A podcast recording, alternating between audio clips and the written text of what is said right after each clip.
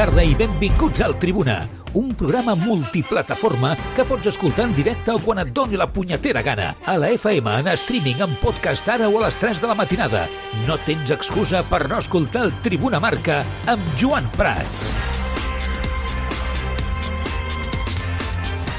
Tal, com esteu? Molt bona tarda. Benvinguts un dia més al Tribuna Marca. Acaba d'acabar la roda de premsa de Xavi Hernández i Víctor Bellerín en la prèvia d'aquest intrascendent partit de Champions League entre el Victoria Pilsen i el Futbol Club Barcelona. Malauradament, intrascendent el partit de, de demà. Un Xavi Hernández que diu eh, ara que el nivell no els ha donat per passar l'eliminatòria, però que l'equip ha crescut en aquesta fase de grups. classificats a Lliga, hem intentat competir a Champions en un grup molt, molt difícil i no ens ha donat. No ens ha donat, però tinc la sensació que l'any passat no ens donava a nivell futbolístic, és a dir, és allò que pràcticament et rendeixes, i aquest any no. Aquest any, si veus l'equip a Múnich, doncs jo crec que és per guanyar el partit. Però bé, tampoc ens va donar el resultat. Però ja és un pas, encara que sigui petit, és un pas. I potser els passos són més petits dels que, dels que esperàvem, però bé, Missatge de construcció, eh? allunyant-se per primer cop en molt de temps del resultadisme, de l'exigència pel resultat i virant cap al temps, la paciència, la construcció, em sembla bé.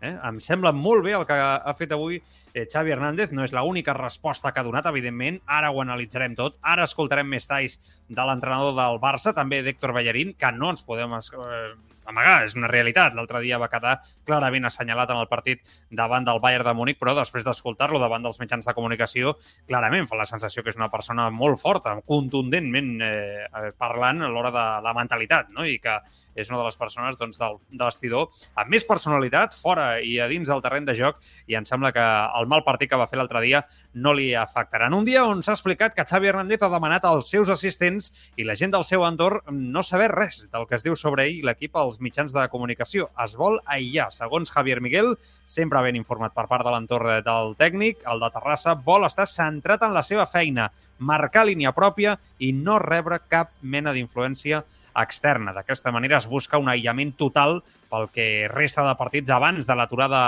pel Mundial, moment on l'equip tècnic té previst aturar-se, reflexionar sobre com van les coses i construir, perquè és evident que l'altre dia, davant del València, l'equip li va tornar a costar moltíssim, sobretot mentalment. L'entrenador ho va justificar, dient que l'equip encara estava tocat eh, per l'eliminació a la Champions League, però gràcies al gol de Lewandowski ho va aconseguir arreglar per sortir guanyador d'una jornada on el Madrid, ja sabeu, que es va deixar punts en polèmica davant d'un gran Girona amb un Mitchell extraordinari, un equip que realment és dels millors veure en aquest inici de temporada. I la realitat dels números, que parlen per si sols, uns números que ens han estat perseguint a través de les xarxes socials en aquests últims dies a l'entorn del Futbol Club Barcelona. Xavi clava els números de Pep Guardiola en els 38 primers partits com a entrenador del Barça. 27 victòries, 6 empats i 5 derrotes. 27 victòries, 6 empats i 5 derrotes per sumar 87 punts. A ningú se li escapa que, evidentment, el tema d'Europa és el problema, és el, el toc no? que cal millorar el problema que té aquest Barça de Xavi Hernández, però a nivell numèric, a nivell de regularitat, és evident que l'equip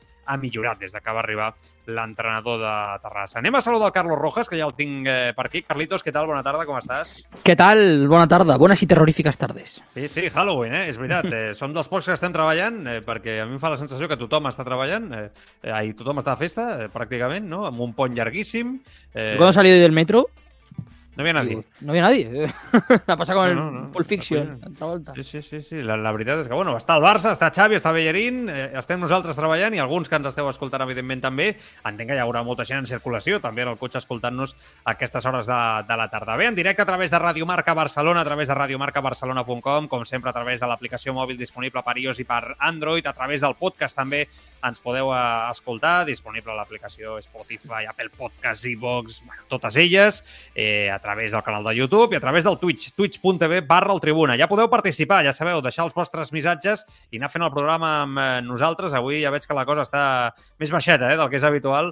Suposo que, com dic, eh, aquest pont llarguíssim s'està fent notar. Nosaltres demà tindrem festa, eh? Home, demà juga el Barça, però demà descansarem eh, nosaltres i el dimecres eh, tornarem. Demà sí que farem festa, que és el festiu eh, oficial, i a través del grup de Telegram, Telegram. Recordeu que el grup de Telegram és Tribuna Barça, Tribuna Barça, i allà podeu fer patar la xerrada al llarg del dia, com feu molts de vosaltres, doncs, eh, sobre la actualidad del Barça. Bueno, Carlos, cambio de guion. No sé si es un poco exagerado quizá decirlo así en el discurso de Xavi, ¿no? Por lo que acabamos de escuchar, pero sí que me llama la atención que después de, de muchos días escuchándolo hablar de resultadismo puro y duro, ¿no? De resultados puro y duro, eh, bueno, pues hoy dice, sí, oye, no nos ha dado, algo que ya le habíamos escuchado, la verdad es que la rueda de prensa, bueno, ha tenido una tónica un poco repetitiva ya, ¿no? En lo que venía siendo el propio Xavi en los últimos días, pero normal también, porque este partido, no, no, no engañaremos a nadie, es un palo de partido, o sea, a nadie le va bien este partido de,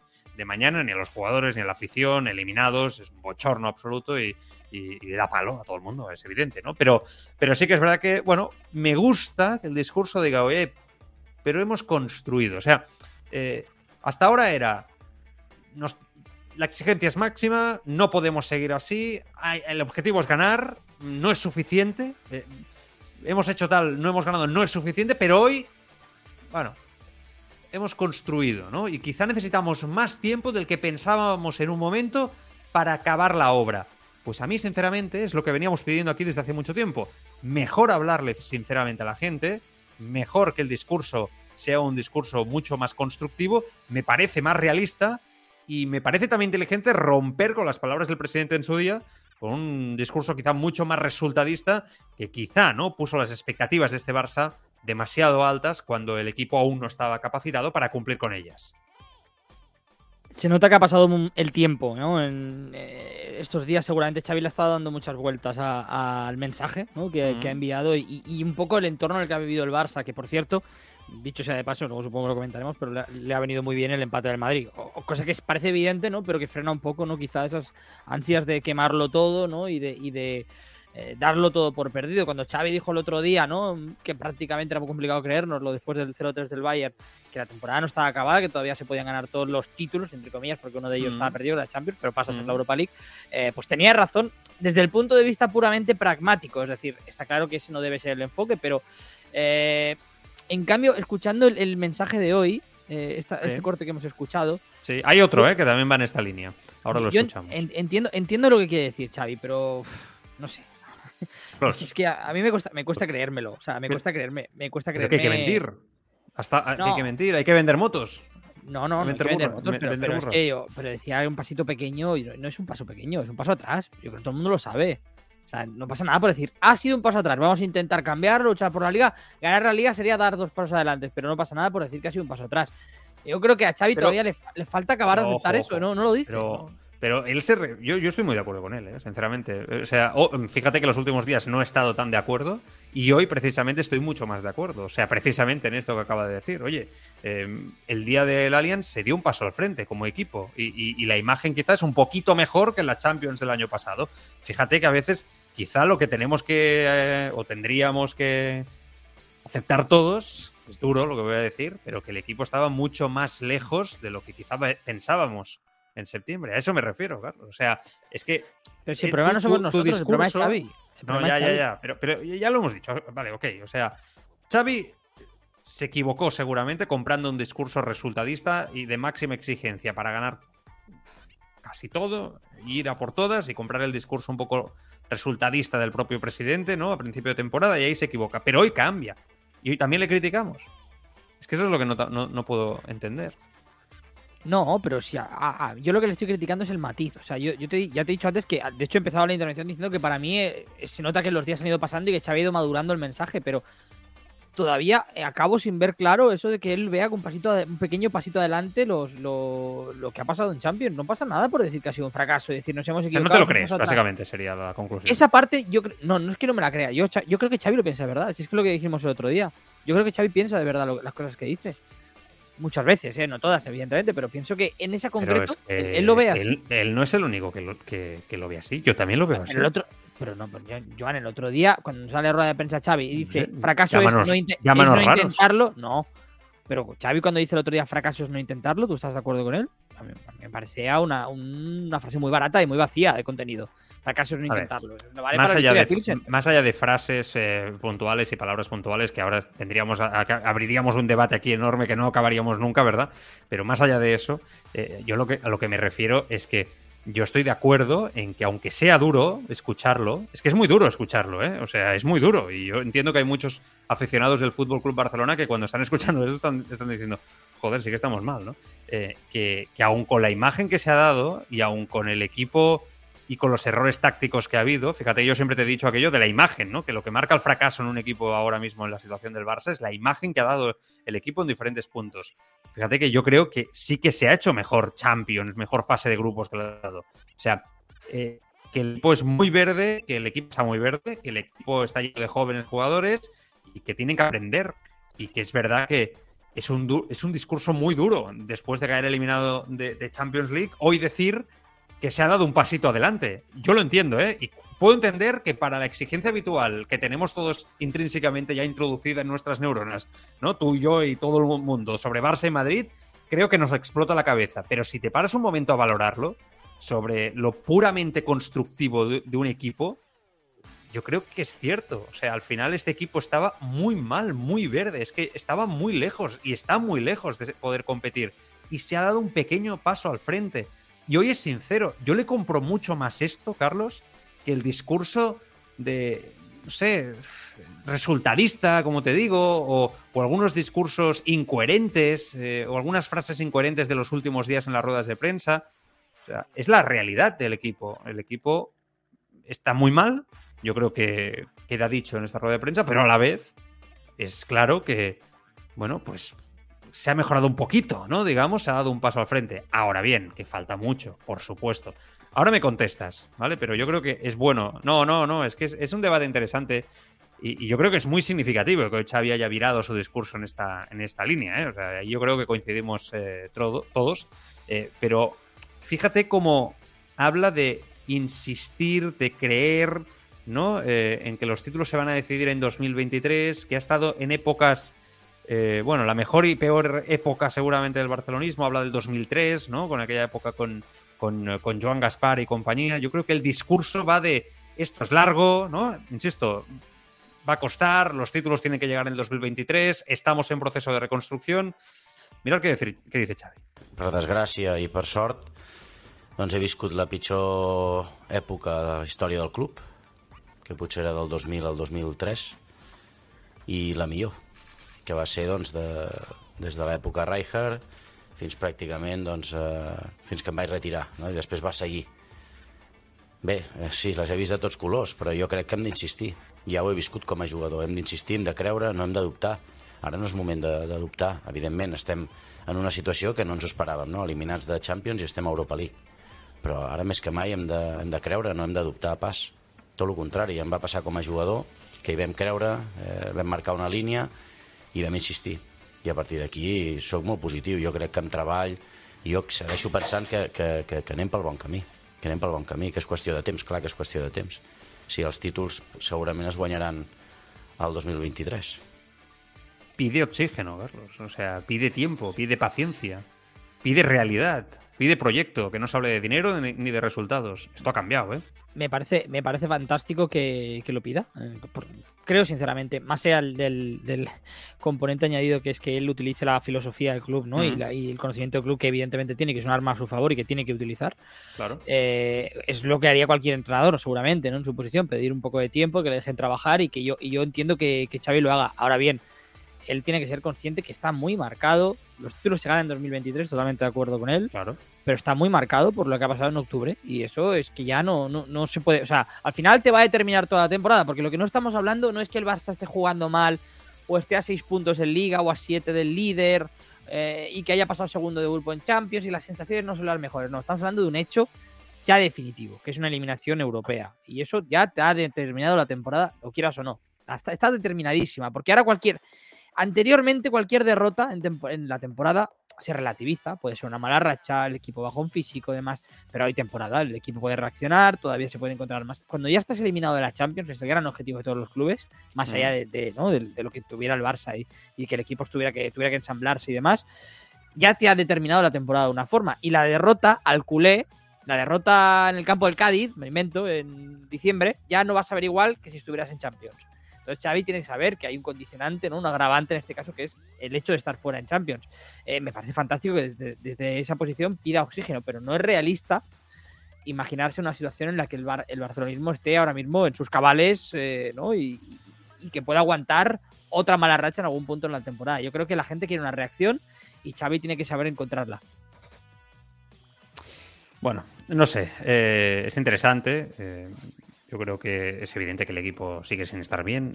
Si nos ponemos en el presente, el discurso se, se, hace solo, ¿no? Yo creo que estaremos todos de acuerdo. Solamente hay que ver un partido del Barcelona para darse cuenta que, que esto no funciona, ¿no? Y el otro día ante el Valencia, de nuevo, el equipo sigue, mm, va a tornar a estar d'aquella manera, però bueno, va tenir una primera part on podria haver matat el València, la seva innocència com a equip de, de futbol ara mateix no? fa que el València eh, surti viu i a partir d'aquí vés a saber si, si, si gairebé guanya el partit o gairebé eh, es foten el partit amb aquell gol anul·lat. Bueno, en fi, és, eh, si no tens a Lewandowski, aquest partit l'empates o el perds, no? I hagués estat de nou una molt mala notícia. Vull dir, l'equip està agafat amb, amb pinces ara mateix i a nivell de present és una, una realitat. I jo crec que per això Xavi és conscient, no? I ha canviat aquest discurs i a mi em sembla intel·ligent parlar-li a la gent amb, amb honestedat i clarament. Eh? Jo crec que és complementari el que estic dient jo, el que estava comentant el Carlos ara, que ha estat un, bueno, com molt fort, no?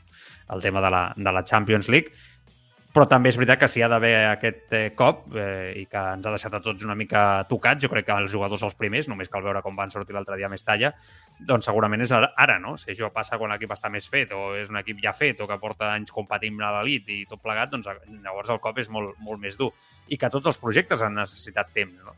Temps per, eh, per construir. Fixa't el que diu Héctor Ballarín, a la roda de premsa avui també i compara aquest projecte, compara amb Guardiola a la Premier, eh, un ballerín que té molta experiència de tots els anys que ha estat a l'Arsenal a la Premier League i que diu que s'ha de tenir fe en el projecte del Barça.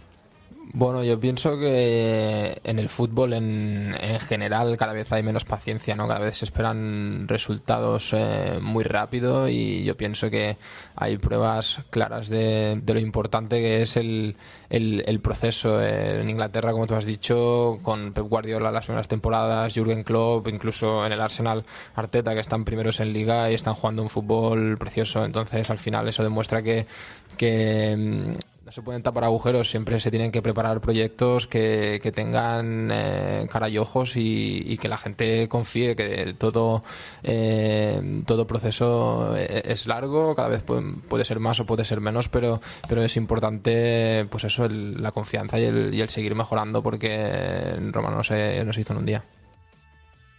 Qué bien hablas de chico, eso para empezar. Habla muy bien, ¿eh? de, de, siempre, ¿eh? ha hablado muy bien. Eh, y dos, eh, tiene toda la razón.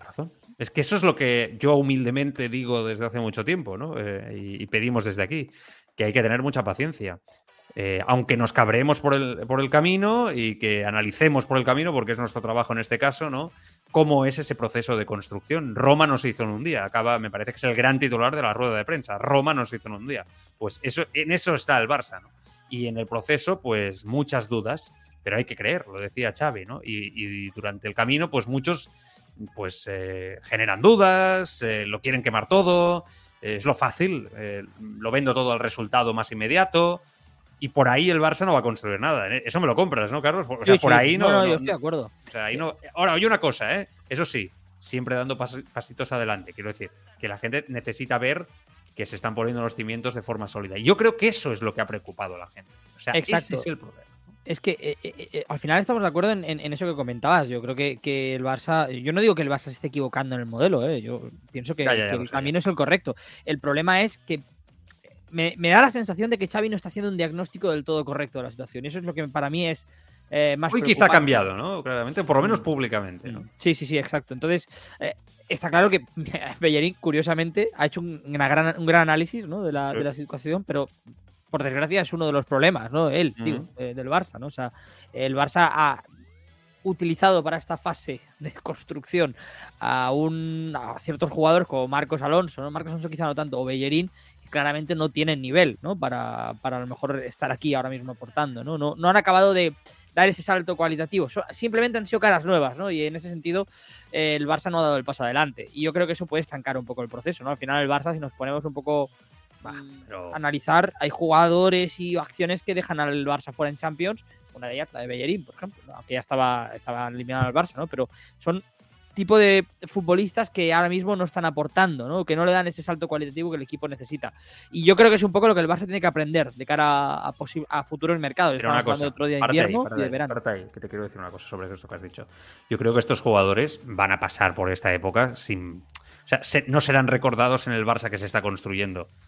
Podemos, o sea, son jugadores que, de paso, me sabe mal decir, decirlo sobre profesionales, pero... No, pero por ejemplo, Rafinha, ahora mismo, es una incógnita totalmente. Y es un jugador que no es jugador de paso, es una inversión alta. Ya, no sé, yo tengo muchas dudas de este caso eh, particularmente, pero, pero del ejemplo que has puesto, eh, particularmente tengo muchas dudas.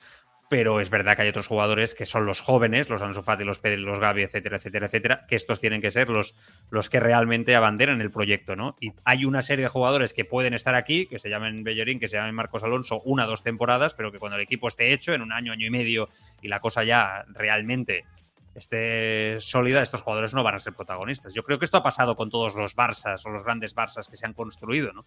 Lo que pasa es que tenemos que tener paciencia, sí, tenemos que entender que todo proyecto deportivo, ¿no? sobre todo a nivel eh, colectivo, necesita su tiempo, pero sí que tenemos que ver una coherencia en la decisión, en las decisiones, ¿no? Y esto yo creo que es lo que pide y demanda la gente, ¿no? Ver que la cosa hay una cierta coherencia la gente yo creo que está mm, siendo más paciente que nunca. O sea, el otro día el equipo fue coreado, animado, después de caer ridículamente del Bayern de Múnich. O sea, la gente está, las nuevas generaciones viven el fútbol de otra manera, ¿no? Y se está viendo también la manera como, como viven este, este Barça. Pero es verdad que este equipo también le tiene que dar, ¿no? Esa coherencia y el cuerpo técnico tiene que entender. Y este mensaje de hoy me parece mucho mejor, ¿no? Y algunas decisiones del técnico yo creo que tienen que ir en consonancia también de eso de que lo que hemos visto en los últimos tiempos. Hay otro corte de, de, Bellerín que también eh, pide eso, ¿no? Que, la, evidentemente es que yo creo que en la plantilla lo tienen muy claro, ¿no? Eh, eh, que, que, el equipo tiene grandes futbolistas, que se tiene que mirar adelante, un mensaje de positivismo de cara a la afición, más allá de, este bochorno. Y eh, yo creo que después de lo de Valencia este fin de semana, eh, con el Madrid fallando, los ánimos habían vuelto a equilibrarse y verse otra vez hoy en la rueda de prensa de la Champions ya eliminado ante el Victoria Pilsen, a todos les ha dado un palo y un bajón, ¿no? Y, además no en casa, ¿eh? has tenido que coger un vuelo largo. Claro, claro. Y, entonces yo creo que hoy se han visto un poco con la obligación de levantar el ánimo, ¿no? Bellerín habla también un poco de eso equipo que hay y eso lo estamos demostrando en la liga y hay que seguir, pero obviamente fue un palo para nosotros, pero en el fútbol no, no te puedes quedar mirando al pasado, tenemos ahora, seguimos en, cuatro competiciones y, tenemos que seguir arriba porque como el Barça tenemos la obligación de, estar al nivel. Este chico tiene cabeza del capitán, ¿eh? Y, ya se ve cómo se expresa, cómo, cómo, vive el fútbol, Carlos. La, lástima que yo creo que no le va a dar, ¿eh? Para quedarse en el Barça, Bellerín. Imagínate si fuera, ¿no? Si, tuviera a lo mejor el nivel del mejor lateral derecho del mundo, ¿no? Sí, sí, sí. Y fuera, y tuvieras... Un líder, hombre, sería, vamos, una joya. ¿eh? Sí, sí, sí, es que se nota, es nota que sent els colors, Héctor Bellerín, no? Es nota que ho sent i, bueno, va fer un sacrifici renunciant també una part econòmica per venir al Barça, etc. però sí que és veritat que al final és un futbolista que té, jo crec, bueno, en atac és un jugador molt interessant, que s'incorpora molt bé, que coneix la posició, però el mateix que l'ha matat a l'Arsenal em sembla que el pot matar al Barça, no? I és que defensivament és un problema. I el primer gran partit que ha jugat davant del Bayern va quedar molt assenyalat. A mi em genera molts dubtes que Héctor Bellerín pugui ser no, el lateral dret que el Barça pugui utilitzar al llarg de la temporada en els grans partits, sincerament.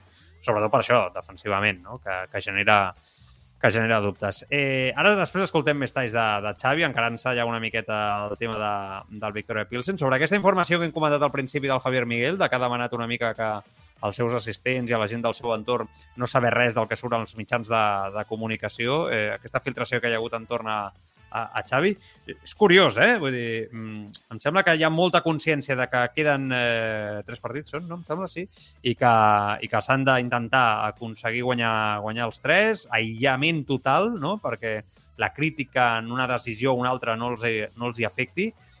Eh, està molt bé, eh, tot això, però a mi també m'ha fet pensar d'habilitat, eh? Vull dir, un, jo crec que el cost tècnic avui dia d'un equip d'elit, l'entrenador d'un equip d'elit ha d'estar acostumat, quan entrena el Barça o entrena el Liverpool o entrena el Bayern de Múnich o entrena el Madrid, de que la premsa existeix, de que l'entorn parla, de que les xarxes socials hi són i que constantment no, rebran inputs sobre el que es diu respecte a les seves decisions. I a mi em sobta que un entrenador d'elit es vulgui aïllar d'aquesta manera y pot mostrar una miqueta de debilidad. No sé qué piensas. Sí, porque entiendo que si lo hace, es porque está ya en una posición de debilidad. Porque le afecta, seguramente. tiene Claro, presión. porque- claro, porque, porque Xavi sabe dónde está. Sí, porque Xavi sabe dónde está. O sea, Xavi no es nuevo, Xavi conoce la casa, conoce el entorno, quién lo dice, y yo creo que él hasta ahora ha convivido bien con eso, ha sabido, la ha sabido llevar como jugador, ¿no?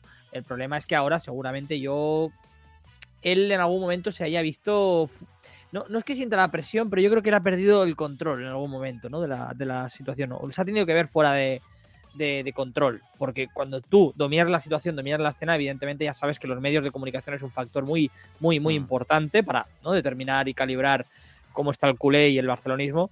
Si no controlas la situación y encima te empiezas a condicionar por lo que piensen los medios y demás, entiendo que quieras aislarte porque te está condicionando, valga la redundancia, Ya. forma de plantear la, la situación y buscar soluciones.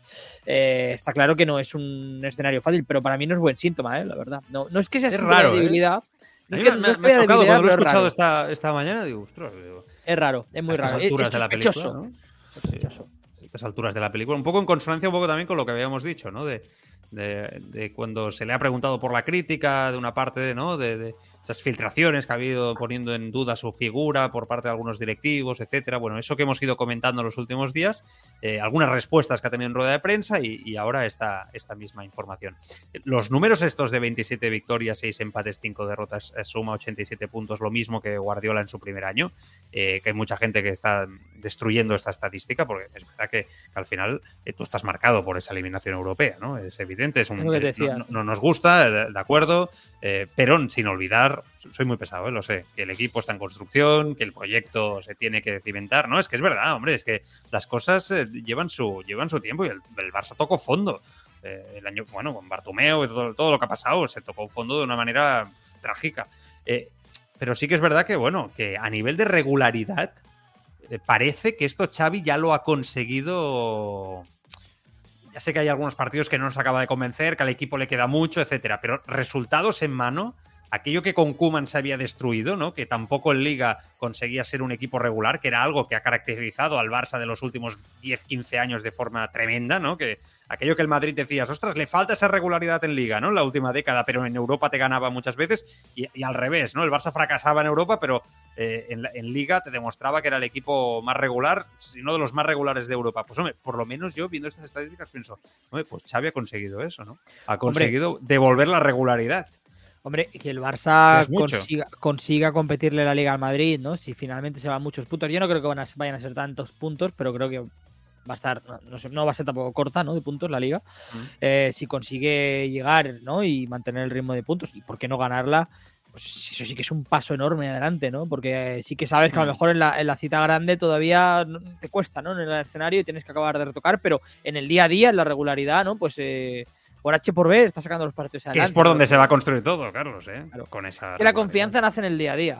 Nace en el día a día. Claro. Y, y- y otra cosa te voy a decir. eh, Al final, al Barça le hemos pegado muchos palos por no estar en el día grande, pero en todas se ha levantado, ¿eh? O sea, no ha acumulado más de una derrota ¿eh? no. prácticamente. Más allá de Buena aquella señal. racha de Inter-Madrid. Es buena señal, es muy buena señal, vamos, eh, es verdad. Aunque yo quiero verlo eh, también el próximo fin de semana, porque insisto que la imagen ante el Valencia a mí no, no me dejó nada de buenas sensaciones. El equipo estaba hundido eh, psicológicamente, eh, le costó muchísimo, pudo matar al Valencia, no lo hizo, le faltó instinto asesino, ¿no? Algo que, que los equipos tienen que y deben de tener. Ahora vamos a, leer, a escuchar a Lewandowski que ha hablado en esa entrevista a La Vanguardia y yo, yo creo que saca conclusiones también muy, muy, muy interesantes de lo que de cómo está el equipo, ¿no? Y de la paciencia, eh, todos los inputs que nos llegan por parte de todos los protagonistas están siendo clarísimos. Ellos están pidiendo tiempo, creer en el proyecto, tiempo y, y dejar claro, pues que tampoco hay que lamentarse demasiado.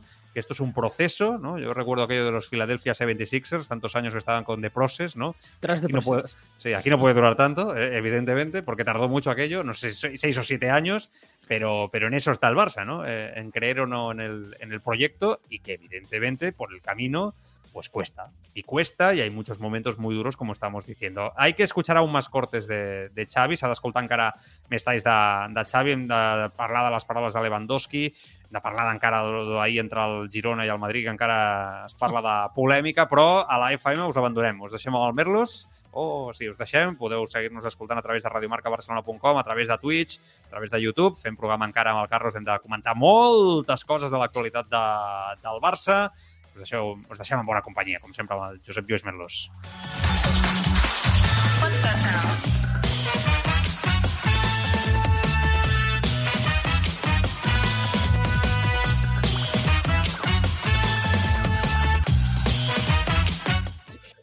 Vale, pues en eso estamos. ¿eh? Eh, seguimos. A ver, eh, me estáis de Xavi, más cortes de, de, de, Xavi un poco. A ver, lo que decíamos ayer, ¿no? Que el partido de mañana es un palo tremendo para todos.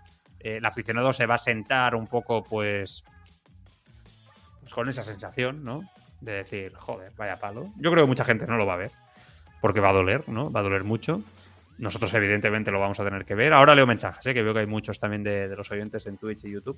Pero, pero claro, le ha preguntado a Xavi, ¿no? Eh, y Xavi yo creo que nos ha intentado convencer un poco, ¿no? De lo que se juega y que hay que ser profesional y que habla Xavi de prestigio, ¿no?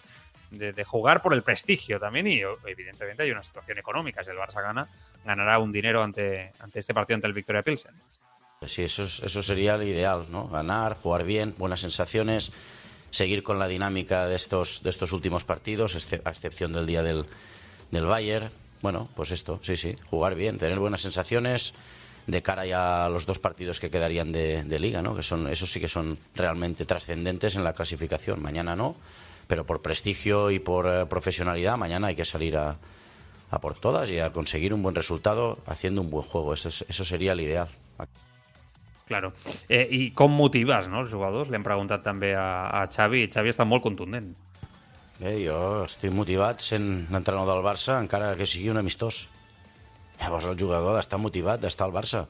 Són uns privilegiats. Com no han d'estar motivats de jugar al Barça? Si és el, per mi és el millor club del món. Han de tenir una motivació brutal demà, de demostrar. De demostrar que els que juguen menys minuts, que l'entrenador està equivocat. I els joves, doncs, que demostrar que tenen, que, que tenen lloc a l'equip. Bé, no, no és prou de motivació.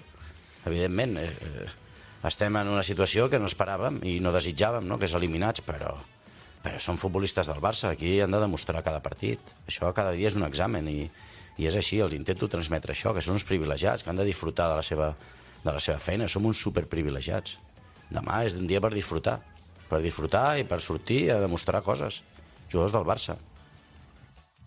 Té tota la raó, tota, m'encanta aquesta declaració, però tinc molts dubtes de que alguns dels jugadors que juguin demà, no els joves que es volen guanyar el joc, aquests no tinc, no tinc dubtes, però alguns dels que poden jugar demà surtin amb aquesta motivació.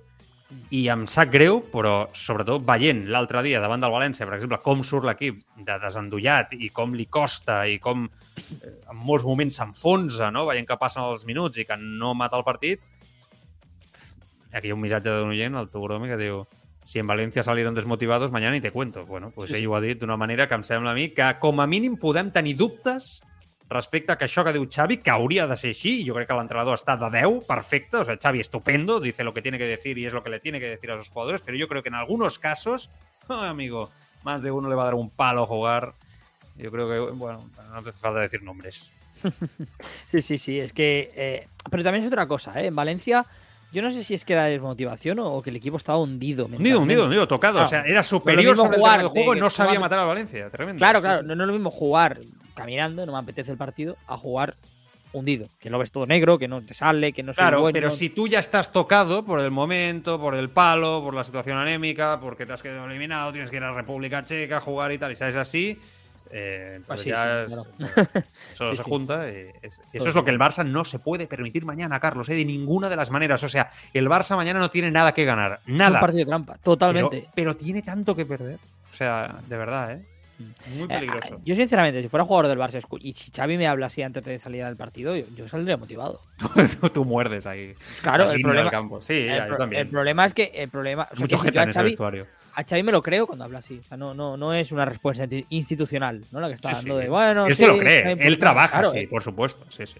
No tengo ninguna duda. Eh, aquí la cuestión es saber transmitirse a los jugadores, ¿no? Y, al final, si los jugadores, después de lo que acaba de decir Xavi, que ha, ha dado la cara por ellos, por cierto, eh, con esa respuesta, ¿no? De forma indirecta, ha dado la cara por ellos, salen a hacer un partido estrepitoso, pues Xavi es quien tiene que tomar Claro. decisiones y que haya consecuencias directas, ¿no? Porque tú lo has dicho, es que yo creo que mejor resumido imposible. El Barça mañana no tiene nada que ganar, pero una derrota contra el Victoria Pilsen sí que te puede Bueno, tocar cabreo. mucho. No, no solo por imagen, ¿eh? sino porque te puede trastocar un poco la dinámica cuando tengas que jugar contra Almería y Osasuna estos dos últimos partidos. A ver, es verdad que no pa- si, si el Barça juega mal ante el Victoria Pilsen y pierde. Sí. Bueno, a ver, yo creo que el cabreo de los dos días, ¿no? Del culé por perder contra un equipo como el Victoria Pilsen, eh, la imagen de algún jugador. Que, puede jugar en este caso mañana, puede quedar muy tocada y, sentenciar, pero yo creo que sobre todo la sensación que se, se sacaría precisamente es que Xavi no los tiene conectados a los jugadores. Que yo creo que es lo que podríamos eh, sacar como conclusión. Entonces mañana, sobre todo, lo que se tiene que ver es profesionalidad máxima, a todos los niveles. De los 11 Sí, sí. que jueguen y de los jóvenes y de los no tan jóvenes. O sea, yo creo que mañana Piqué jugará. Viendo las bajas de todos los que se han quedado, Pi- Piqué jugará. Claro. Pues es que con la iglesia hemos topado de primera ya, Claro, ¿eh? bueno, ya, pero Piqué, y es posible que aquí pone en, este, en esta previa que tenemos ahora en imagen aquí puesta eh, que Valde va a jugar. Yo creo que no va a jugar Valde, creo que va a jugar en este caso Jordi Alba, eh, con Marcos Alonso como central y Piqué, ahí sí, sí lo veo. Iñaki Peña en la portería, pero claro. Si Jordi Alba y Piqué hacen de las suyas, el cabreo del culé es como. el, culé con estos dos está muy cabreado ya. Son jugadores que llegan a su etapa final, pues. Bueno, la gente la tiene muy cabreada llegan a este partido y ellos son los que juegan, dan la cara y el Barça no hace un buen partido y encima da, bueno, pues, mala imagen y tal, pues te va a generar frustración. Y a Xavi lo va a poner en una situación muy complicada, claro, porque él está dando la cara como acabamos de escuchar y los jugadores quizá le fallan. Bueno, vamos a ver, ¿no? Eh, yo creo que solamente si juegan Sofati mañana, fantástico, que juegue y que, y que gane confianza. Mm, Rafinha, la- lo mismo. Es que todo, solo Ferran Torres, lo mismo. Es que solo veo no- buenas noticias. Ansu Fati, sí que el otro día volvió a hacerlo bien, lo que le falta ese punto para el gol, ¿no? Ese punto de explosividad, pero a mí, sinceramente, Ansu Fati al 75% mejor que Dembélé a día de hoy. O sea, lo tengo claro, ¿eh? Sí, sí, es que yo, yo falta que se lo crea. Bueno, su Fati, evidentemente, tiene que tener esa confianza y partidos, pero falta que el entrenador se lo crea, yo creo. ¿no? Claro. O sea, darle, darle esos dos, tres partidos. Al final no sirve de nada. Imagínate que mañana juega Ansu Fati titular, mete dos goles y el partido contra Almería otra vez suplente, ¿no? Es que. eh, y, y además, precisamente estos dos partidos, sobre todo el de Almería en casa, ¿no? Yo creo que es un partido más Sí. o menos cómodo, dentro de cabe, ¿no? asequible.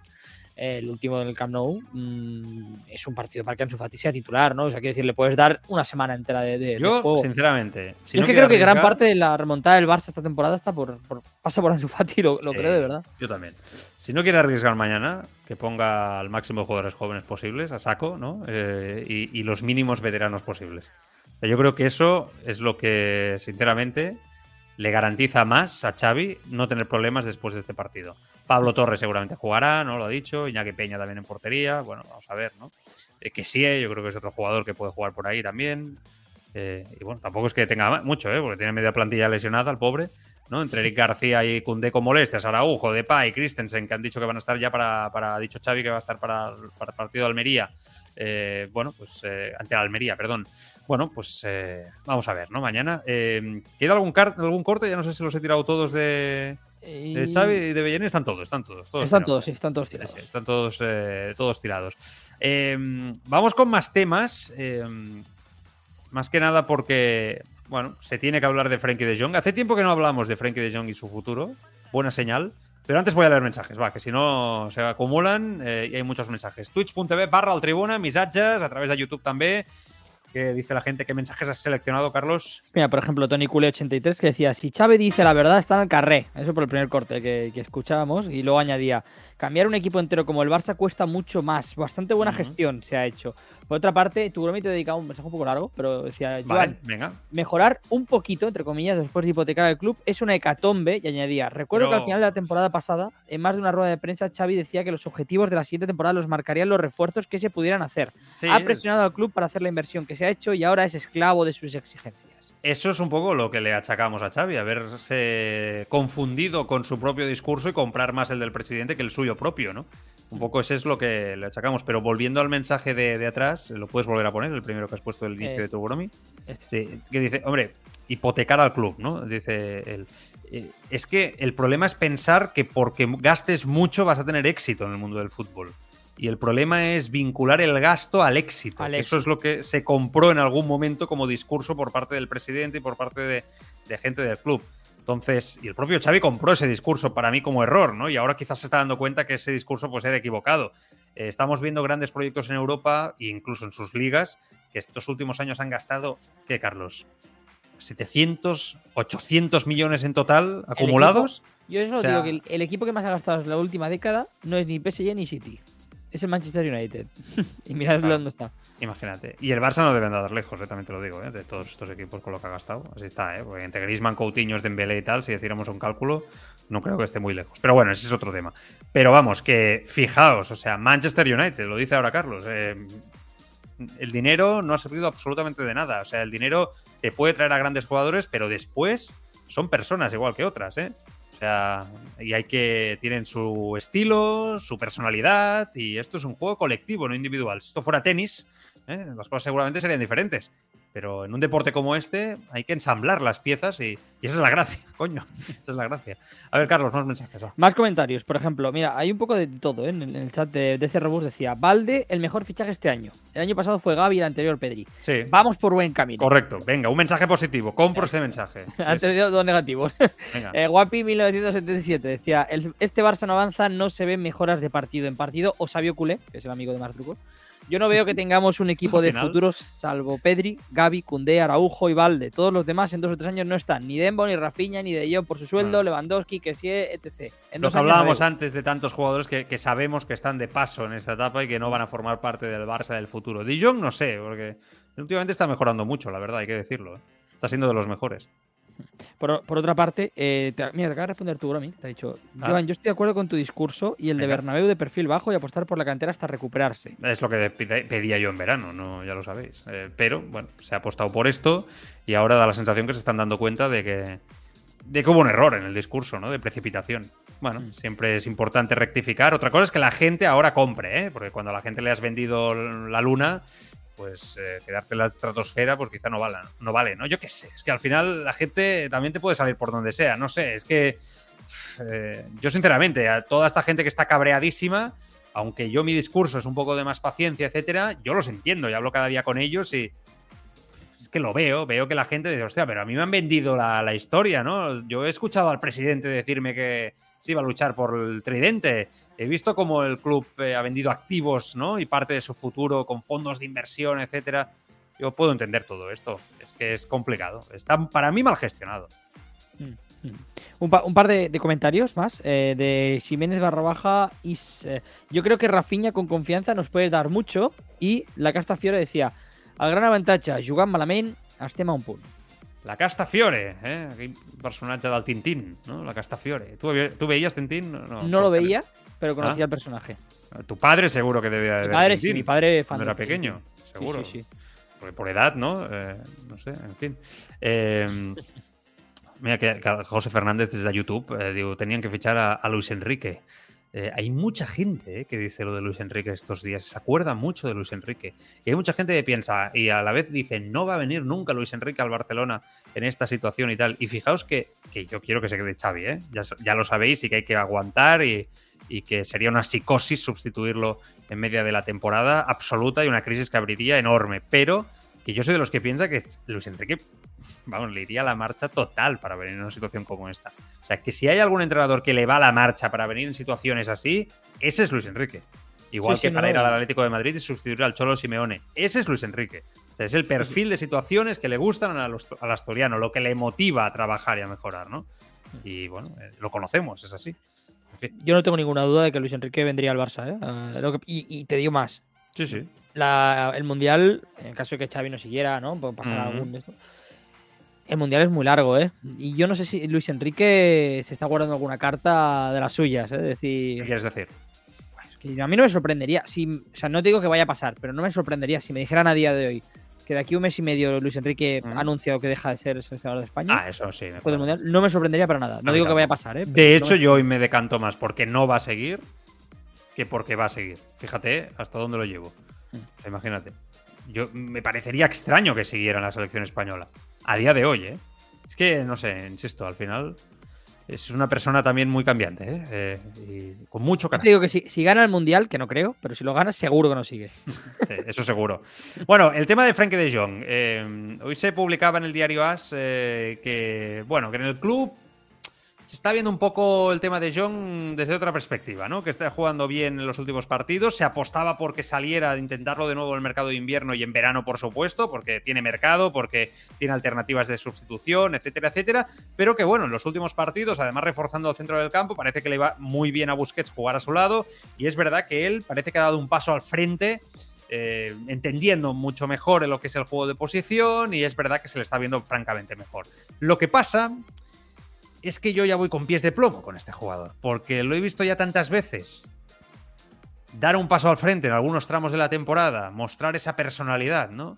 Y después diluirse y sin acabar de dar ese paso definitivo que se le pediría a un crack de su nivel, que lo digo con la boca pequeña. Entonces, bueno, vamos a ver, ¿no? Yo a día de hoy aún me decantaría por si él accede a irse y llegan 90 millones a las arcas del club en la situación actual, venderlo. Pero también es verdad que, bueno, el tema de la sustitución de Busquets, si también saliera de Jong, no sé, eh, ahí, ahí- ahí vas a arriesgar seguro, ¿eh? Para Porque mí el gran buenos, hándicap etcétera, pero Sigue siendo el sueldo, ¿no? O sea, al final. ese es el gran problema y que él no ha querido, no parece de momento accesible a una rebaja, ¿no? Es el gran defecto. Yo creo que podemos, en el caso de Young, por desgracia, podemos tener el debate deportivo, ¿no? De conveniencia Mm. deportiva que queramos, pero es que lo delimita todo y lo marca todo su sueldo. Si, tú, si él accede a bajarse el sueldo, ahí sí que Sí. podríamos abrir un debate de si sería interesante venderle, si sería interesante quedar, quedarse con él. Yo creo que ha dado un paso, un pequeño paso adelante, ¿no? Esta Está temporada. jugando bien, ¿eh? O sea, Sí. para mí el día, el día de Mestalla fue de, si no el mejor, eh, casi, casi el mejor del Mm, partido. Pero ha dado un paso adelante, yo creo que, que está claro, pero sigue estando muy lejos de ser un jugador de 20 millones, 25 por temporada, ¿no? Que es un poco por ahí, ¿no? Las cifras me bailan un poco, ¿eh? Eh, lo que tiene firmado. Entonces, es que al final, insisto, nosotros podemos tener el debate, mira, el, jugador está encajando bien, tampoco está siendo aquí el mejor centrocampista de Europa ahora mismo, ¿eh? De, eh, de Jong, Mm. pero bueno, está haciendo una buena temporada. Pero si llega junio y te viene una oferta, automáticamente tienes que pensar en venderlo precisamente solo por su sueldo, porque es que es un problema, pero enorme, Mm. gigante para el Barça ahora mismo. Cobra Entonces, muchísimo dinero, Quieras o no, es- quieras o Es no, una es barbaridad. obligado. Pero yo creo que está siendo poco listo él con esto. O sea, porque realmente si ahora estás en este punto y tú quieres seguir en el Barça, tu contrato está fuera de mercado. O sea, lo que cobras aquí no te lo van a pagar en ningún lado, ¿no? Esto estamos todos de acuerdo. Mm, eso está Entonces, claro. si realmente te quieres quedar, ahora haces un esfuerzo. Esto es muy fácil decirlo con el dinero de los demás, ¿eh? también es verdad. Pero, hombre, haces un esfuerzo y te vas a quedar, porque ahora Xavi está contando contigo y parece que el jugador, no, insisto, se ha avan- ha avanzado en sus prestaciones. Aunque es verdad, y en esto creo que estarás de acuerdo conmigo, que ha dado un paso al frente, pero por lo que costó, ¿no? Y el, el nivel mediático que tiene y el nombre que tiene y lo que demostró en el Ajax, De Jong sigue sin capitanear el centro del campo, sin tener esa personalidad. O sea, Pedri, por ejemplo, es mucho más líder, que por cierto el otro día también jugó muy bien. Eh, ostras, le falta. De Jong está muy lejos de Pedri. En el control del espacio-tiempo, en, la pausa del juego que a veces se necesita. Eh, es verdad que tiene mecanismos que no tienen otros jugadores y otros centrocampistas del Barça, eso es cierto, pero está muy lejos de ser ese crack y fichas del Ajax. Aún Ante- jugando bien, ¿eh? Fíjate. Antes lo has dicho con varios jugadores, ¿no? Y también lo comentaba algún oyente.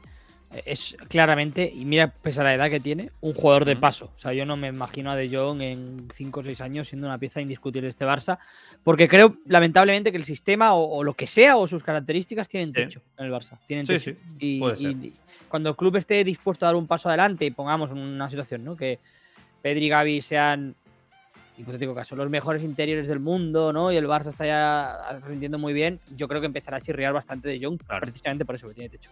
Bueno, Lewandowski, que ha hablado hoy en una entrevista en la, en la Vanguardia, eh, claro ejemplo de fichaje de rendimiento inmediato, ¿no? Yo creo que esto sí que está claro. Eh, 17 partidos, 18 goles. Vamos, el gran fichaje, ¿no? Eh, evidentemente, 5 de estos goles han sido en la Liga de Campeones, mal repartidos, porque si hubieran sido repartidos de otra manera, seguramente otro gallo cantaría.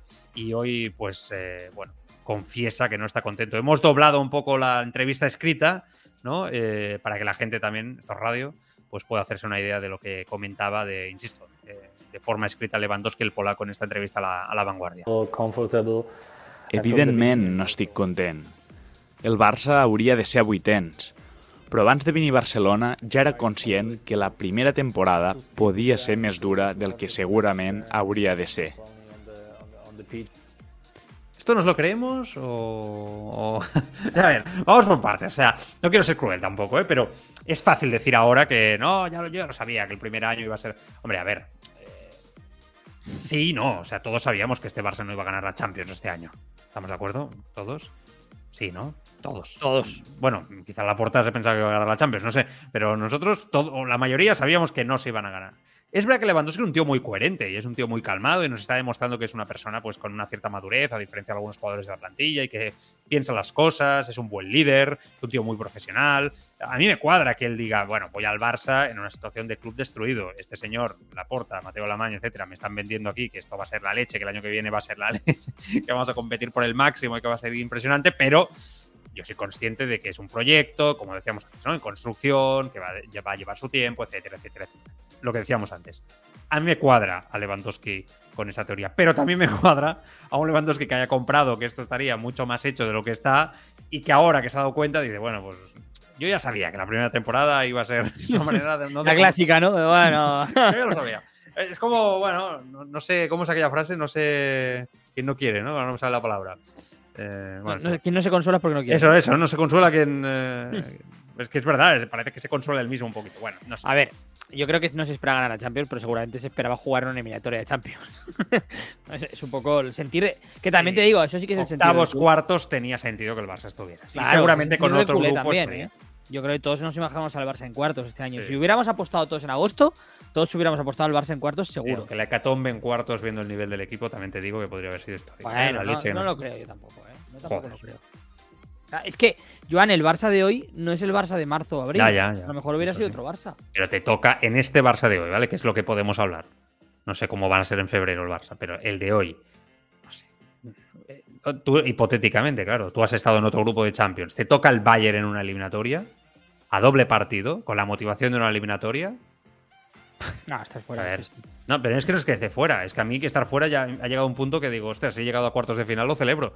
¿Sabes lo que quiero decir en la situación actual? Porque es la imagen. Si el Bayern prácticamente clasificado, o sea, clasificado y jugándose el primer puesto en el Camp Nou te humilla de esa manera, con una eliminatoria con esa diferencia entre equipos, es que quizá Ya, el parcial, pero- eso, eso es 10-0, ¿eh? No, O sea, seré, es que- no seré yo quien defienda ese Barça, ¿no? Mm, Pero yo creo que si un Barça hubiera llegado en cuartos con más confianza, Sí. más fútbol, más hecho, a lo mejor, y a lo mejor el Bayern, yo que sé, hay mil, de, mil factores. También pueden llegar jugadores del Bayern lesionados, ¿no? El Barça también tenía lesionados, no sé. No digo que el Barça pase, evidentemente, pero Mm. que podría ser una eliminatoria diferente. O si la ida es en el Camp Nou y te sale un buen partido ganas 2-1, no sé, ¿sabes? Fútbol, especulativo siempre, exacto. todo puede ser, ¿no? Reconstrucción, dice Lewandowski, el Barça está en reconstrucción. No, that Esta is Estem en un procés de reconstrucció que necessita temps. Cal ser més pacients.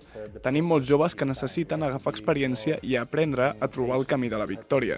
Són detalls. En el futbol, de vegades cal saber com guanyar i no com jugar per guanyar. No esperava arribar i que tot anés bé la primera temporada, però aquest equip, en dos o tres anys, serà millor o inclús el millor. Hay un detalle de este corte. A veces que yo creo que es definitivo en muchos aspectos. Sobre cómo Lewandowski ve las cosas. Y, y yo creo que él, que no está acostumbrado a la filosofía, ¿no? Eh, ya no digo de, juego del Barça, porque él ha mamado con Guardiola eso, por lo tanto entiende y ya ha demostrado que entiende perfectamente el ADN y el juego de posición, mucho más que algunos que han venido incluso de la cantera o que a priori debían de entenderlo mejor. Pero es verdad que yo creo que le delata sobre cuál cree él que es el problema que hay ahora mismo en el Fútbol Club Barcelona. Fíjate que dice, tenim molts joves que necessiten agafar experiència, aprendre a trobar el camí per guanyar aquest tipus de partits. Són detalls. Cal afrontar algunes situacions amb més intel·ligència. En el futbol de vegades, i ojo aquí, eh, Carlos, cal saber com guanyar, necesitamos saber cómo ganar y no cómo jugar para ganar. Esto es cargarse el mantra de lo que es el discurso de Xavi. O sea, o sea, tú para ganar necesitas jugar bien. Sin jugar bien, no ganas. Y te viene el polaco, la estrella del equipo, y sutilmente en una entrevista en La Vanguardia te dice, en el fútbol a veces necesitas saber cómo ganar y no como jugar para ganar. Lo que te está diciendo es pues, que hay veces que hay que hacer las cosas más sencillas, un fútbol más directo y que no hay que hablar tanto de si el ADN, Ah, etcétera, etcétera, ¿no? Es que viene de Alemania. Es que es, es- lo que tú dices del mantra del Barça, es que el mantra en, el- en Alemania, en el Bayern, ¿no? Es ese. O sea, ¿cuál es la filosofía del Bayern como club? Saber cómo ganar. ¿no? es, es muy Claro, similar en ese sentido al Madrid, Pero, esto, deja- dejemos las cosas claras. Eh, la estrella del equipo acaba de hacer una declaración que choca frontalmente con la filosofía que tiene su entrenador. Pero, pero yo creo que es algo que le, que le sale. O sea, Solo, estoy de acuerdo contigo, eh. ¿eh? pero sí, le sale solo. O sea, no creo que le salga a modo de crítica o un tirito. Creo que le sale, ¿no? De, Sí, de lo sí. que él viene, de cómo le ha entendido el fútbol eh, y cómo se entiende ahí, sobre todo en Alemania, que es donde ha jugado más de Hmm. 10 años. ¿no? Entonces, Claro. Vamos por ahí, pero bueno, que, es curioso. O sea, estoy seguro que muchas veces Lewandowski, en alguna charla, ¿no? Si Xavi cuando ha tenido que hablar con el equipo les ha dicho que es la forma, tal cual, estoy seguro que alguna vez le ha chirriado un poco a Lewandowski. Hostia, pero esto es curioso, ¿no? Porque claro, al final él dice que sabía que el primer año tal, no sé qué, eh, el eh, y que habla de reconstrucción. La reconstrucción es eso en el Barça. En el Barça la reconstrucción es eso, es volver a recuperar la idea de fútbol sobre jugar bien para acabar ganando, porque de eso va el Barça en la historia moderna. Jugar bien para ganar. Juega mal, pierde. No hay más. O sea, esto es lo que dice la historia. Cuando me demuestren otra cosa, entonces podremos hablar de otra cosa. Pero de momento en el Barça es esto. Entonces, esto choca un poco, ¿no? Lo que dice Lewandowski. O sea, Lewandowski parece que él interiormente, cuando juega en el terreno de juego, él piensa. ¿Por qué le damos tantas vueltas al estilo? Que hay veces que, esto se puede hacer de otra manera y que vamos a ganar igual, ¿no? Y vamos a. Bueno, es interesante y muchos aficionados estarían de acuerdo con él. Estoy convencido, ¿eh? Mucha gente está cansada de ese discurso de la construcción del modelo de llevado a la excelencia para conseguir el éxito en la victoria. Eh, bueno, eh, hay un oyente aquí, José Juan Giraldez, que dice: Legua se refiere al oficio, equipo que no compite, gana y después mejora, pero Xavi parece que ve otra cosa, ¿no? Es que Xavi está empeñado en que hay que jugar ese estilo futbolístico, ¿no? Para conseguir ganar. Eh, Yo se lo compro, es verdad que, insisto, si está bien aplicado el estilo, que yo creo que es lo que ha, facha- es lo que fallado en los últimos tiempos. Eh, ahora leo mensajes que hay, mucho- hay muy interesantes, ¿eh? de muchos oyentes, ya os estoy leyendo así de, de reojo y ahora, ahora los ponemos. Eh, queda un corte, eh, que es el que... pe, pe, pe, ahora me he perdido aquí. Habla del Bayern, de los El cambios del Bayern. El que, así que se podría impor- eh, importar, ¿no? Un poquito del Bayern de Múnich, le preguntan. eh, aquí al, al Barça. Interesante la pregunta. Stability. El Bayern té una gran estabilitat des de fa anys. Poden no jugar bé, com contra nosaltres, però ens van guanyar. Aquesta és l'estabilitat que de vegades el Barça necessitaria, però no és fàcil. El club viu un moment complicat i amb l'aturada de seleccions van patir sis lesions de cop de jugadors importants. Estàvem creixent com a equip i ens van aturar de cop. Este hombre ha entendido perfectamente de qué va esto. ¿eh? O sea, hay jugadores que, hay fichajes que se tar- tardan seis años, siete en entender de qué va esto en Can Barça y acostumbran a fracasar. Y este lleva dos, tres meses, cuatro, y ya entiende de qué pasa. Él habla de estabilidad. Yo creo que es la palabra que define al Barça muy como club en los últimos tiempos. Falta de estabilidad. Lo ha detectado la primera el hombre. Es que, claro, vienes. eh, eh, a- eh, además, o sea, él no ha dicho que el Barça no sea, no sea estable, ¿no? Ha dicho que envidia el Bayern o que se puede importar la estabilidad. Yo creo que está, es algo que muchas veces se infravalora del Bayern de Múnich y es curiosamente eso, ¿no? Es un club que, pese a que hay un entorno también muy crítico, a veces tóxico, el, el Bayern siempre ha sido un club estable, siempre consigue estar, siempre consigue Sí. llegar, ¿no? Pero el Barça también, ¿eh? Durante mucho clubes. tiempo. O sea, lo, lo bueno del Barça que construye Rijkaard y que da continuidad a Guardiola con los cambios pertinentes a lo largo de los tiempos y tal, es que el Barça, aun que a veces pues no ganaba Champions, pero era muy estable. O sea, al final era la estabilidad como club, con cambios de presidente. Sí, sí, estoy de acuerdo. Pero era muy estable, ¿no? Y yo creo que es eso lo que ahora el Barça ha perdido en los últimos tiempos también, por culpa de los gestores, que lo han hecho fatal.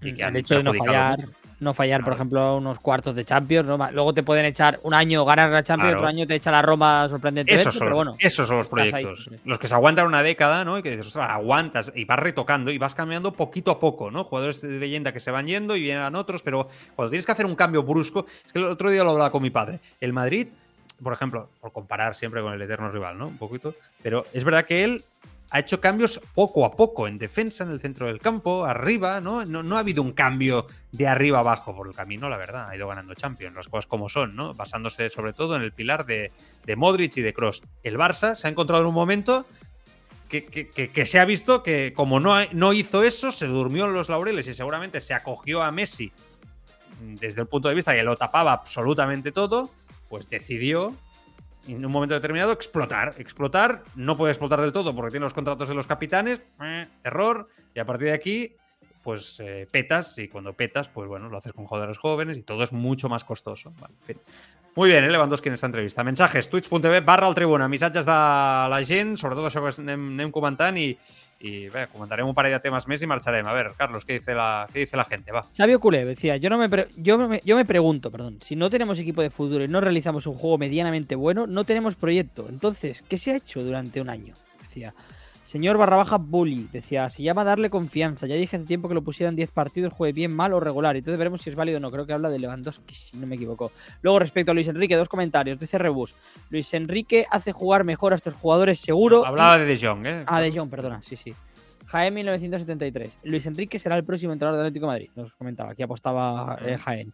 Eh, Tony Culé. ¿Y si el Barça gana la Europa League con mejor cartel en años, a la que recuperemos lesionados de base de Fantástico, oye, partidos, fan- este fantástico, ¿eh? Vamos a celebrarlo todos. Se tiene que celebrar, por supuesto, ya lo dije el año pasado.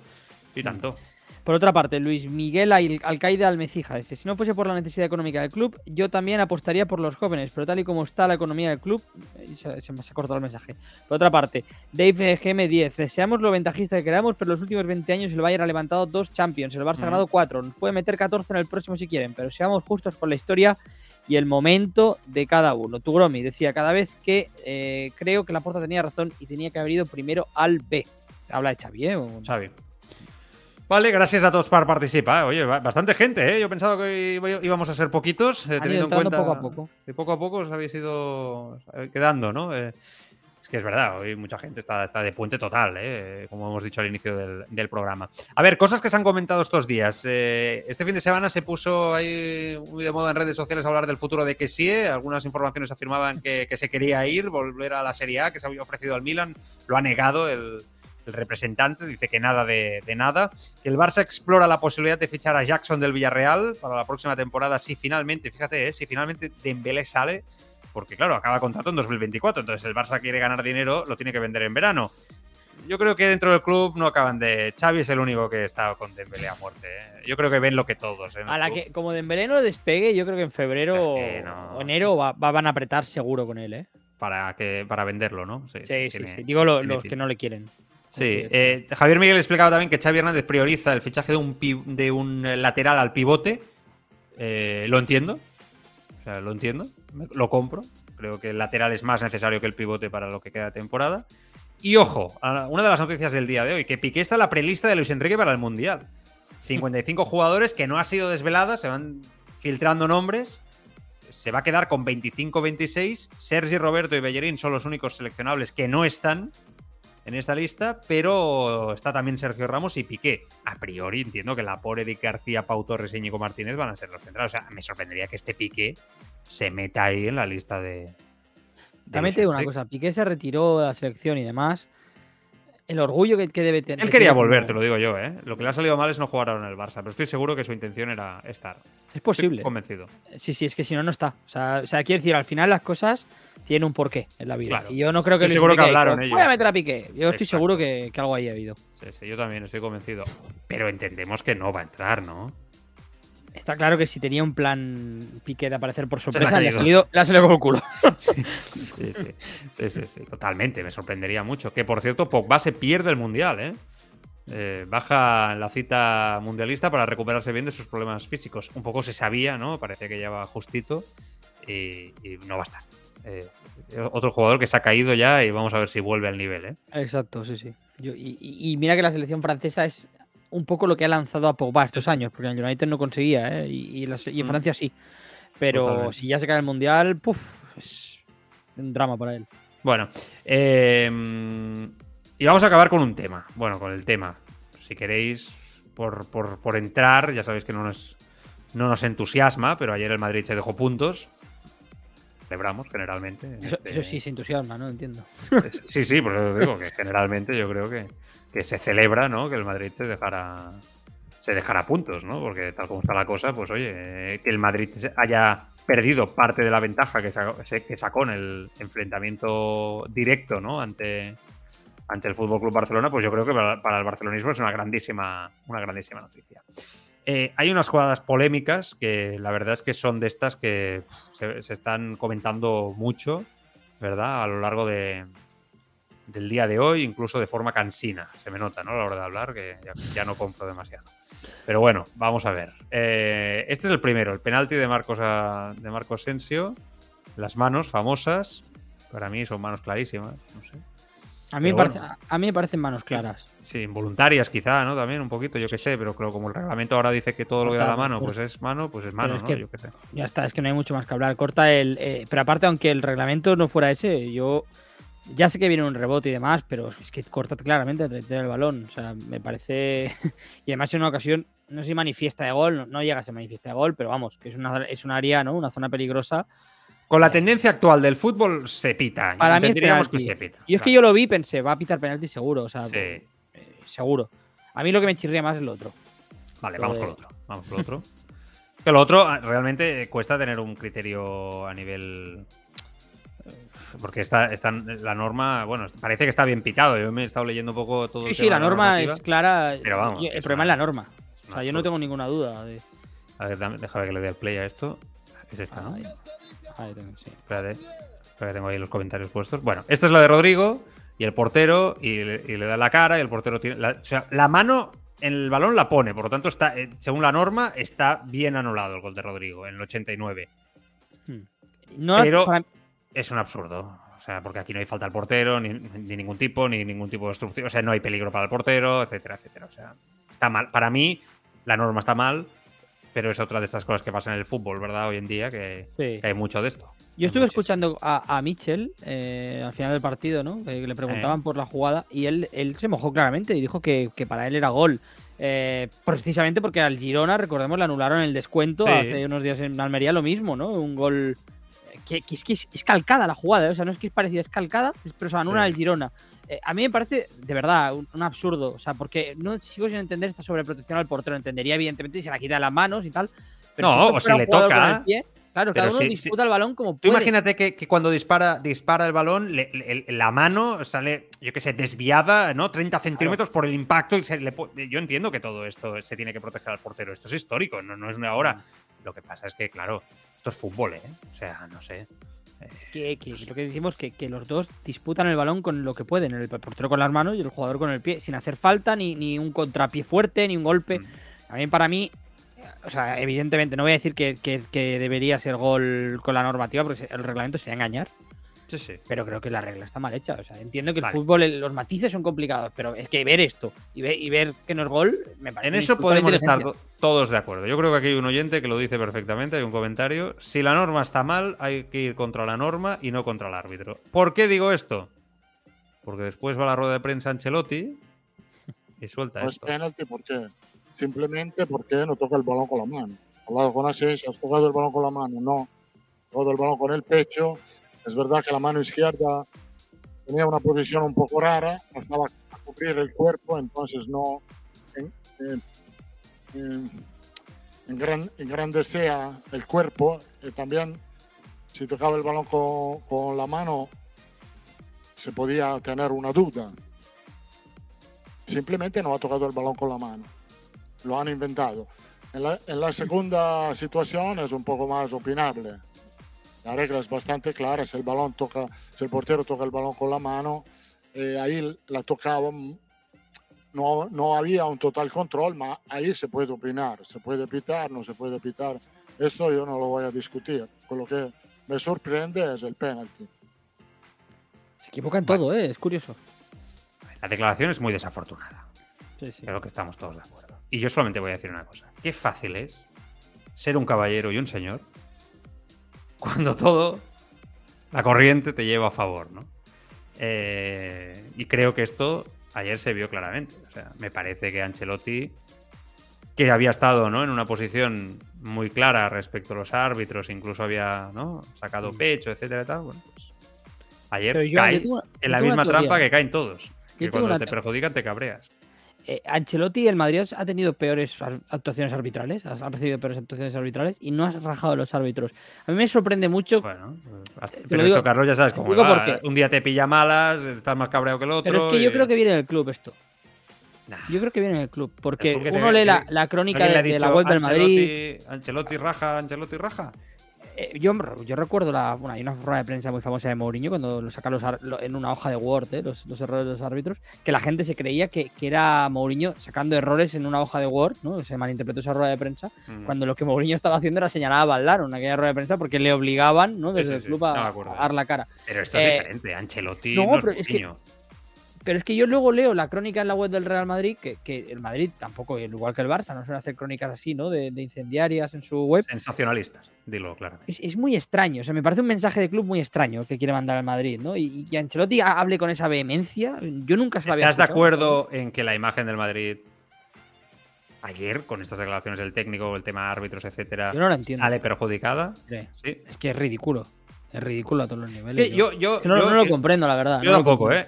Pero fijaos que nos- nuestro discurso no cambia en caso Barça o Madrid, ¿no? Y a veces os cabreáis más o menos los que estáis escuchando, pero que cuando el Barça habló del tema arbitral con el Inter y tal, aquí fijaos que criticamos al Barça y que la excusa arbitral, al final, el, el Madrid ayer hace un buen partido ante el Girona, vamos a, vamos a No. dejarlo claro. Juega fatal. Ahí se acaba el debate. El Sí, Barça sí. y Madrid tienen jugadores para hacer mejor fútbol. Y cuando un equipo con menos recursos te complica la vida de esa manera y te gana o te empata, el Bernabéu, el Camp Nou, fuera, es igual. Bueno, pues el árbitro juega un papel, sí. El error forma parte del juego, sí. También. Pero también es verdad que muchas veces te perjudican y otras veces te quitan. Y que el grande generalmente es beneficiado. Yo creo que sí. Yo creo que esa máxima se sigue cumpliendo en el fútbol actual. ¿Que es verdad que el Madrid ha sido beneficiado por los árbitros generalmente quizá más que el Barça en los últimos tiempos? Pues no sé, si queréis entramos ahí, puedo estar de acuerdo, más, menos, depende del año, yo qué sé. Pero al final cuando las cosas te van bien, el árbitro te quita un día, dos, por errores, etcétera. Pero cuando tú vas bien, ¿eh? Tú vas, vas, Sí, sí. vas. Y es muy preocupante que este Madrid, que acaba de ganar al Barça, ¿no? Eh, con una imagen convincente de superioridad ese día sobre el Barcelona, oye, no da imagen de solidez, se le ha caído un poco el invento y, a la- y al mínimo, mínimo traspiés, nervios. Mala señal. O sea, el Barça no está bien, pero no está tan lejos, ¿eh? Del Madrid. Pa. No, no, no, no. Yo es creo que mala sí. señal esta, ¿eh, Carlos? Muy mala señal. esta. No, yo creo que el Madrid está en, está en un mal momento futbolístico. eh, ¿Por qué estos físicamente ha, nervios? ha- ha bajado, pero. Pero no creo, ¿no? Yo creo que como plantilla, como, como proyecto, el Madrid él está más consolidado, ¿no? Eh, Yo creo que el Madrid está en un mal momento. Lo que No, pasa no he dicho que lo lo que- contrario, ¿eh? Lo que no, lo que He no que está es- tan lejos. No está tan lejos. Yo creo que el, que el momento futbolístico del Madrid y físico ahora se está empezando a notar. Yo a Modric, por ejemplo, lo vemos mucho más cansado. Eso. espantoso también. Se nota mucho cuando los dos interiores del Madrid no están. Y Camavinga, que es quien tenía que dar un paso adelante de estos partidos, la verdad es que ha estado muy mal. Eh, está- iba a ser una temporada de, a priori, ¿no? Chuamení Camavinga a dar un paso adelante. Chuamení sí. Sí. lo ha dado desde que ha llegado. Pero Camavinga se ha quedado un poco en, rezagado, ¿eh? Respecto Ah, pasado amigo, es que sustituir a Xavi Iniesta es un drama, sustituir a Kroos y Modric es otro, ¿eh? Otro drama, ¿eh? Drama importante. No, claro, claro. Bueno, nos tenemos que ir. eh, ya hacemos tarde ya. Eh, mañana no hay programa, descansamos, es fiesta. Juega el Barça a las 9 de la noche, el apasionante partido ante el Victoria Pilsen. Y eh, haremos resumen en el canal de YouTube después del partido. Haré el resumen, un poco comentándolo, a ver, a ver, a ver qué. Espero que, que no tenga que, que comentar nada negativo. Y el miércoles estará Mar Truco también por aquí con nosotros. eh, pues eh, comentamos un poco el partido y volvemos miércoles a las cinco y media, Carlos. Cinco y media. Miércoles cinco y media. Jueves, ya lo decimos ahora, así la gente también lo sabe. Jueves cinco y media también, creo, si no me equivoco. Eh, jueves 5 y media también, sí, sí. A priori, a priori, se pasará David Bernabéu. Estará David Bernabéu, a ver si. Y el viernes 7, ¿no? No, sé, yo no, no me sé los horarios, estoy, estoy fatal. Eh, no, estoy, no estoy seguro si al final a las 5 y media también el viernes. ¿eh? fatal, bueno. no, no, sí, sí, es a las 5 y media. 5 y media. Cinco y media también. Cinco y media todo lo que resta de semana, ¿vale? Para los que nos veis en directo. Cuidaros mucho, ¿eh? Nos vemos el miércoles a disfrutar del día de mañana y Halloween. Eh. Ojo, a ver qué pasa. Eh. Venga, adiós.